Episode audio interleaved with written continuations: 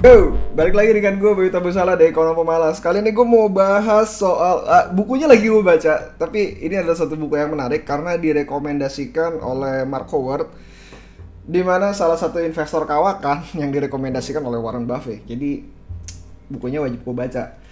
Uh, bukunya tentang bias dan kenapa bias itu terjadi dan uh, bagaimana cara menanggapinya dan kemungkinan besar karena lu pun udah tahu dengan bias tersebut lu pasti akan terus melakukannya juga sadar atau tanpa disadari. Nah yang menarik uh, di bab pertama adalah mengenai sebuah kalimat yang mengatakan bahwa tantangan itu uh, bisa membuat orang punya nilai lebih terhadap sesuatu yang ditantangnya.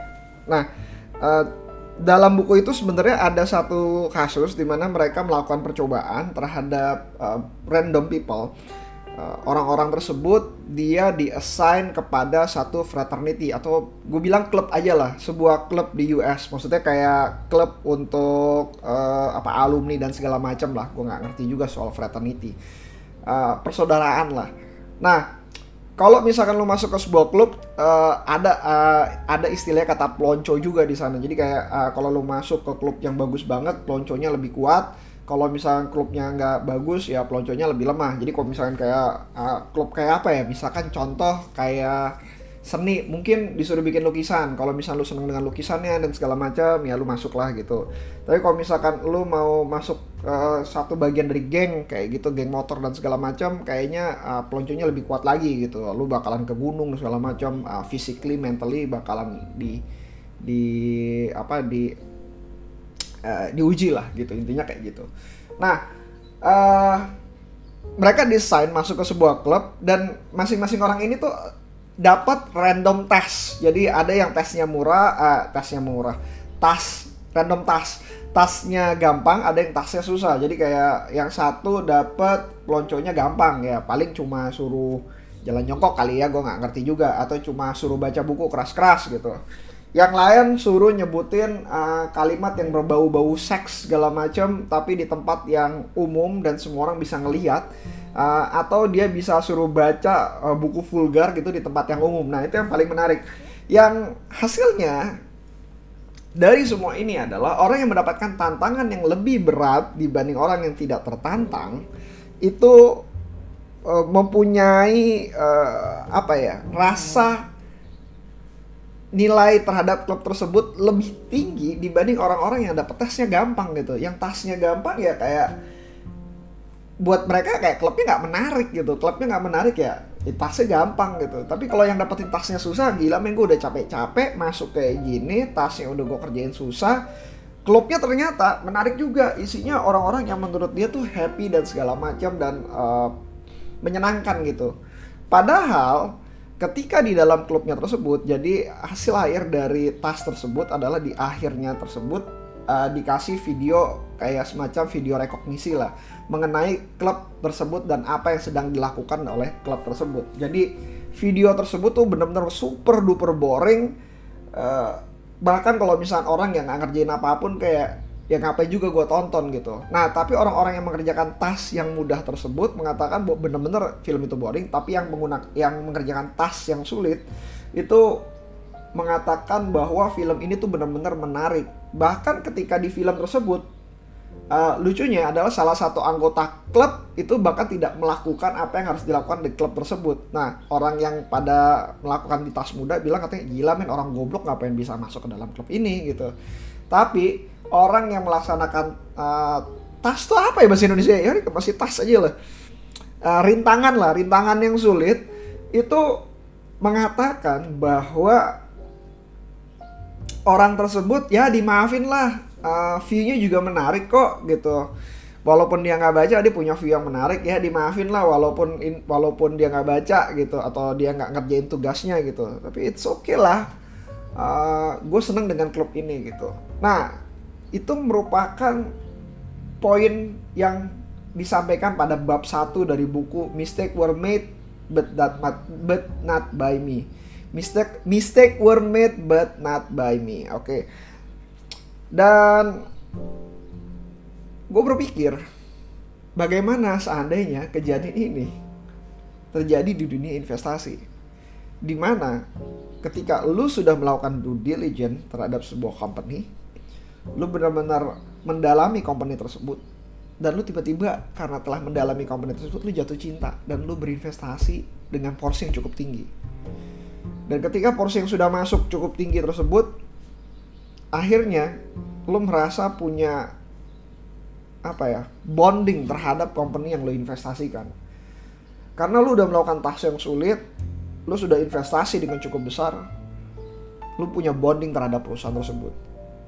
Problemnya adalah yang lu kerjakan salah. Tapi yang lu kerjakan juga rumit gitu. Yang lu kerjakan bukan salah sih. Hasilnya tidak sesuai dengan keinginan lu. Hasilnya ketika lu berinvestasi di satu company tersebut ternyata company tersebut tidak mengerjakan apa yang lu bayangkan dan lu nggak synchronize your uh, goals with management gitu. Nah lu bakalan hold atau enggak sih? Even though kalau lu udah tahu bahwa lu harus melepas ketika perasaan yang sama gak bakalan terjadi ketika lu bener-bener telah memegang perusahaan tersebut. Maka dari itu salah satu investor kawakan yang gue pernah ketemu, dia berkata bahwa pemikiran yang paling murni adalah ketika lu tidak punya barang tersebut. Ketika lu nggak punya barang tersebut, ketika lu dihadapkan pada harga sekarang, apa yang lu harus lakukan? Beli atau enggak? Bukan ketika lu telah memiliki perusahaan tersebut sehingga yang lu lakukan dalam pikiran lu adalah lu uh, apa ya istilahnya bias kepemilikan itu lu mencari cara atau jalan untuk membuat apa yang lu telah lu kerjakan itu benar. Sehingga lu benar-benar kayak bias untuk tidak mencari hal yang negatif terhadap company tersebut tapi lu melihat hal-hal yang positif terhadap company tersebut entah itu makroekonominya, entah itu manajemennya, entah itu apa yang sedang dia kerjakan. Walaupun sekecil apa pun lu beranggapan bahwa itu positif. Padahal apa pun yang dikerjakan dalam dunia investasi bisa positif, bisa negatif tergantung dari sisi orangnya. Gue pernah berbicara bahwa uh, ketika gue melakukan valuasi pertama kali di waktu zaman gue kuliah, uh, senior gue mengajarkan bahwa yang namanya uh, apa reason itu bisa dicari. Kalau lu pengen bilang beli reason apa hal yang sama mengenai company tersebut, lu bisa menjadi reason yang bagus. Kalau lu pengen bilang jual hal yang sama, lu bisa bilang reason itu jelek.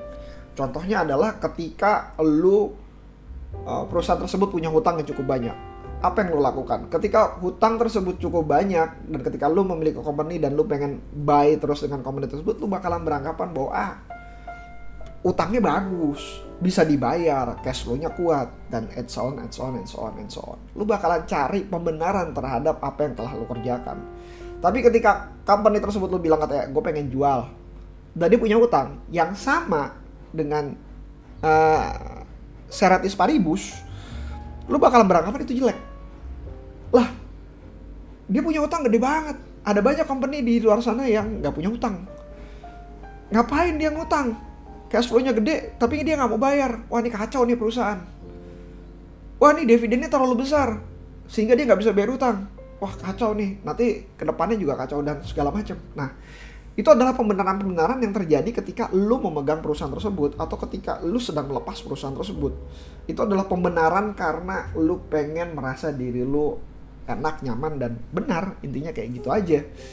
So apa yang mesti lo lakuin kalau menurut gue adalah coba berpikir ketika lu tidak memiliki perusahaan tersebut itu yang pertama kedua coba berpikir sejernih mungkin dan gua beranggapan forecast it's some kind of bullshit things bisa membantu kebanyakan enggak.